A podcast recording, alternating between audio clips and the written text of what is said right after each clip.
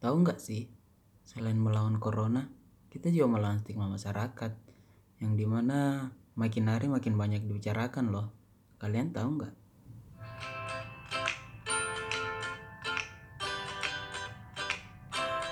Assalamualaikum warahmatullahi wabarakatuh.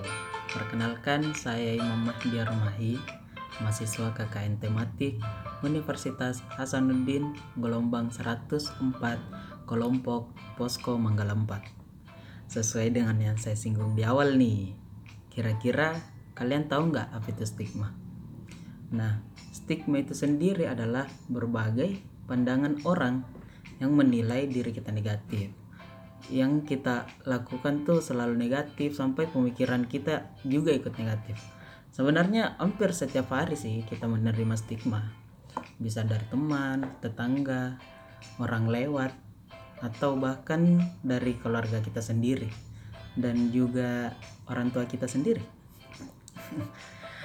nah, stigma juga dipergunakan di dalam istilah stigma sosial, yaitu pikiran, pandangan, dan juga kepercayaan negatif yang didapatkan seseorang dari masyarakat atau lingkungan berupa label, stereotype, suppression, serta mengalami diskriminasi sehingga hal tersebut mempengaruhi diri individu secara keseluruhan.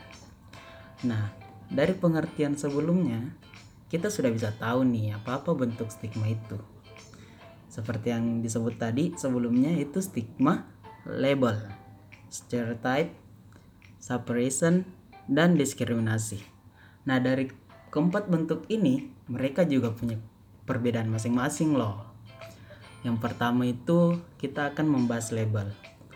Label atau melabelkan seseorang itu yang dimaksud di sini ada pemberian nama sendiri. Itu berdasarkan dengan e, perbedaan yang dipunyai pada anggota masyarakat. Nah, kalau kita gambarkan tuh seperti kita mempunyai lima gambar manusia dan di antara empat gambar itu kita berikan warna hitam, lalu satunya kita kasih warna merah. Nah, dari gambaran tersebut, teman-teman pasti sudah tahu nih siapa yang kita labelin. Karena ada perbedaan di situ. Nah, itu bentuk stigma label. Kita lanjut yang kedua yaitu stereotype. Nah, stereotype ini sendiri lebih ke kerangka berpikir kita. Atau juga aspek kognitif yang terdiri dari pengetahuan serta keyakinan mengenai kelompok sosial dan orang tertentu. Stereotype yaitu keyakinan mengenai karakter. Intinya sih lebih ke karakter itu sendiri, baik itu merupakan keyakinan tentang atribut personal yang yang dipunyai orang, baik itu dalam kelompok atau kategori sosial tertentu. Nah, misal nih kita punya teman yang pakai brand Gucci, kita sebut aja Gucci ya. Tonton pasti mengira, wah ini pasti orang kaya. Nah, itu sebenarnya bentuk stereotype. Kita masuk bentuk ketiga yaitu separation atau bisa dibilang adalah pemisahan.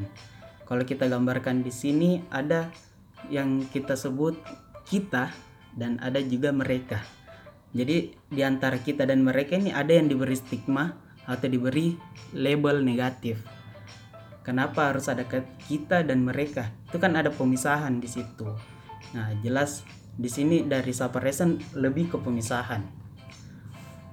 Kalau misalnya itu seperti kelompok di mahasiswa kan, seperti kelompok mahasiswa kupu-kupu, yaitu kuliah pulang, kuliah pulang. Nah, ada lagi mahasiswa kura-kura, kuliah rapat, kuliah rapat. Nah, ini pasti anak organisasi banget nih. Bentuk stigma terakhir yaitu diskriminasi. Ah, teman-teman pasti sudah tidak mainstream lagi kan dengan kata ini. Apalagi tonton yang biasa mengikuti kegiatan. Yang dalam satu kelompok pasti ada tuh yang didiskriminasi. Kalau bahasa sehari-harinya sih biasa kita bilang pilih kasih. Nah, sepertinya tonton sudah tahu ya apa yang dimaksud diskriminasi. Itu sebenarnya salah satu bentuk stigma loh. Kira-kira apa sih penyebab dari stigma itu sendiri? Kalau menurut Goffman ada enam penyebab yang di antaranya yaitu ketakutan, tidak menarik, kegelisahan, asosiasi, kebijakan atau undang-undang, dan yang terakhir yaitu kurangnya kerahasiaan. Itu menurut Goffman. Jadi bagaimana teman-teman? Apakah teman-teman sudah tahu apakah itu stigma? Kalau teman-teman masih belum tahu, saya akan membacakan berita nih. Ini berita di upload media IDN Times Sulsel. Judul beritanya tuh cerita ex pasien COVID-19 menghadapi diskriminasi meski sudah sembuh. Wow, jelas ya, ya dengan yang saya bilang di awal bahwa bukan cuma COVID yang kita lawan, melainkan stigma masyarakat juga. Nah, saya masuk ke dalam beritanya ya. Gorontalo IDN Times. Diskriminasi dialami ex pasien COVID-19 setelah sembuh dari masa perawatan. Pengalaman ini diceritakan oleh RM. Ya, di sini kita inisialkan aja ya. Siapa tahu ada teman-teman yang sama namanya kan gak enak juga. Pengalaman itu diceritakan oleh RM, warga kecamatan Kota Timur, Kota Gorontalo yang diidentifikasi sebagai pasien 02 di Provinsi Gorontalo. Nah, jadi RM ini adalah orang yang kedua yang terkena COVID-19 di Gorontalo. Dia itu terkena karena dia mengikuti jamaah tablik di Goa. Nah, kita lanjut ya. RM sempat menjalani perawatan selama 12 hari di rumah sakit Alu Sabo dia tentunya di Gorontalo dan nyatakan sembuh pada 24 April lalu. Dia pun sudah dapat kembali ke rumah, tapi sembuh dari virus corona bukan berarti penderitanya selesai. Sebab dia mengaku kerap merasa dikucilkan di lingkungannya. Wah, ini sudah jelas sih. RM dinyatakan terkonfirmasi positif COVID-19 pada 15 April lalu bersama ibunya yang diidentifikasi sebagai pasien 03. Nah, RM dikategorikan dalam klaster jamaah tablik syuro alami yang pernah mengikuti pertemuan Ijtima Goa, Sulawesi Selatan. Nah, jadi RM ketika terkena COVID-19 ternyata dia juga menularkan ke ibunya. Kata RM begini, saya dengan ibu di sana, RS Alusabo. Kita tidak merasakan ketakutan seperti bayangan kebanyakan orang Cuma yang bikin takut pasien itu selepas mereka sembuh. Sanksi sosial itu sebenarnya yang paling berat. Nah, ini kata RM dalam berita ini. RM mengakui terbebani dengan perlakuan sebagian orang di sekitar tempat tinggalnya. Apalagi ada anggapan yang beredar bahwa pasien sembuh masih membawa sisa-sisa virus yang dapat menjangkit orang lain. Nah, pembahasan ini sebenarnya masih perdebatan juga apakah betul masih membawa atau menjadi herd immunity. Kata RM, padahal sesuai dengan hasil PCR atau swab yang nyata bahwa sudah dua kali pemeriksaan negatif. Hasilnya negatif ya. Maka dipastikan sudah tidak ada lagi virus corona dalam tubuhnya. Tetapi orang mengatakan masih menganggap ada virus di dalam tubuh mereka. Nah, di sini nih kita mulai masuk ceritanya RM yang terkena stigma dari warga di sekitarnya. Diskriminasi RM tidak hanya dialami dia saja. Keluarga dan kerabat dekatnya pun menerima stigma negatif dari sebagian masyarakat. Meski tidak pernah bersinggungan langsung dengan dia. RM bercerita suatu ketika keponakannya yang tinggal terpisah di Kelurahan Botu berencana membeli es batu di warung, namun pemiliknya enggan melayani, bahkan langsung menutup warung. Wah, menurut kalian bagaimana nih teman-teman? Ketika keluarga teman-teman pergi ke warung yang cuma mau membeli es batu, tapi penjual ini sudah mengetahui kalau teman-teman adalah keluarga dari si RM yang terjangkit corona beberapa bulan lalu. Nah, kata RM, padahal selama isolasi dan perawatan tidak pernah ketemu sampai sekarang. Jadi saya punya keluarga juga kena. Bahkan teman yang datang menjenguk saya di rumah juga terkena dampaknya. Jadi kata RM ini, dia dan keponakannya tidak pernah ketemu. Dan teman-teman yang sempat menjenguk di rumahnya juga terkena stigma. RM sendiri merasakan langsung soal stigma itu, misalnya ketika berpapasan dengan orang. mereka menghindar dan menutup hidung. Padahal dia sudah dinyatakan sembuh loh. RM yang punya usaha rumah makan hingga kini belum kembali menjalankan usahanya.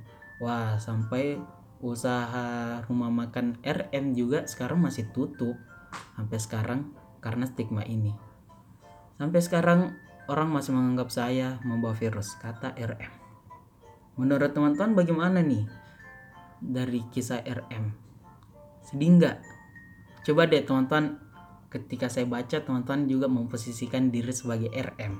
Nah, kita lanjut ya. RM mengatakan dia sudah berupaya minimalisir stigma negatif dari masyarakat. Misalnya, dia membuat unggahan di media sosial berisi keterangan sehat yang dinyatakan kesembuhannya. Tidak hanya di media sosial, RM juga membagikan salinan surat keterangan sehat di masjid kompleks, kelurahan, bahkan ke puskesmas. Kata dokter, untuk mendapatkan surat itu tidak gampang, melalui beberapa proses sehingga dinyatakan sehat dan kembali beraktivitas. Itu kata RM. Dengan upayanya itu, sejumlah tetangga di sekitarnya sudah mulai paham dan mengerti. Tapi sebagian warga, kata dia, masih takut berinteraksi langsung dengannya. Nah teman-teman, itu tadi adalah cerita dari RM yang diterbitkan di berita IDN Sulsel. Nah, kalau kalian memposisikan diri kalian sebagai RM, apa yang kalian akan lakukan? Yang ketika di rumah sakit alhamdulillah baik-baik saja. Tapi ketika di luar rumah sakit ketika teman-teman dinyatakan tidak covid lagi malah teman-teman harus berhadapan lagi dengan stigma sosial. Apa yang teman-teman akan lakukan ketika itu? Nah sekarang saya akan bagi tips nih. Ketika teman-teman terkena stigma atau pelabelan atau diskriminasi yang diberikan masyarakat Memang sih tidak mudah untuk menyingkirkan stigma yang sudah terlanjur melengket. Tapi kita semua tahu kan bahwa manusia itu cenderung melihat sisi buruk kita. Nah, ada beberapa cara nih untuk mengurangi stigma. Yang pertama, seperti yang dilakukan RM, yaitu dia menunjukkan bahwa dirinya telah berubah. Maksudnya dia tidak lagi sakit, dan dia memaparkan ke media sosial bahwa dia telah sehat, dia telah negatif corona dan tunjukkan hasil tes dari rapid test dan swabnya. Terus ketika teman-teman ketemu dengan orang yang masih sinis, teman-teman usah memperdulikan itu dan teman-teman harus tetap jalan ke depan. Dan jangan lupa tetap bertingkah laku baik, tetap sopan. Yang terpenting adalah teman-teman tidak dendam kepada orang yang telah menstigma teman-teman karena kita juga tahu kan bahwa tidak semua manusia itu sempurna. Tidak ada manusia yang sempurna. Terus teman-teman minta support dari keluarga sendiri atau kerabat dekat supaya teman-teman tidak berjalan sendiri dan juga selalu mendapatkan support dari luar selain teman-teman mensupport diri dari dalam teman-teman juga mendapat support dari luar. Walaupun ada beberapa yang tidak mensupport. Nah teman-teman itulah tadi pembahasan stigma kali ini. Yang penting teman-teman bisa mengajak kerabat-kerabatnya untuk stop stigma atau berhenti melakukan stigma. Semoga teman-teman bisa menyimak dengan baik yang telah saya sampaikan pada kali ini. Tetap jaga kesehatan, mematuhi protokol kesehatan, dan jangan lupa selalu saling membantu satu sama lain. Stigma bukanlah penyakit baru pada masyarakat, wujudkanlah yang baru dan indah walaupun semuanya susah tanpa semangat yang kuat. Tetap berempati di tengah pandemik yang tentunya kita pasti bisa melewati. Mungkin cukup sekian podcast kali ini. Wabillahi taufiq walhidayah. Wassalamualaikum warahmatullahi wabarakatuh.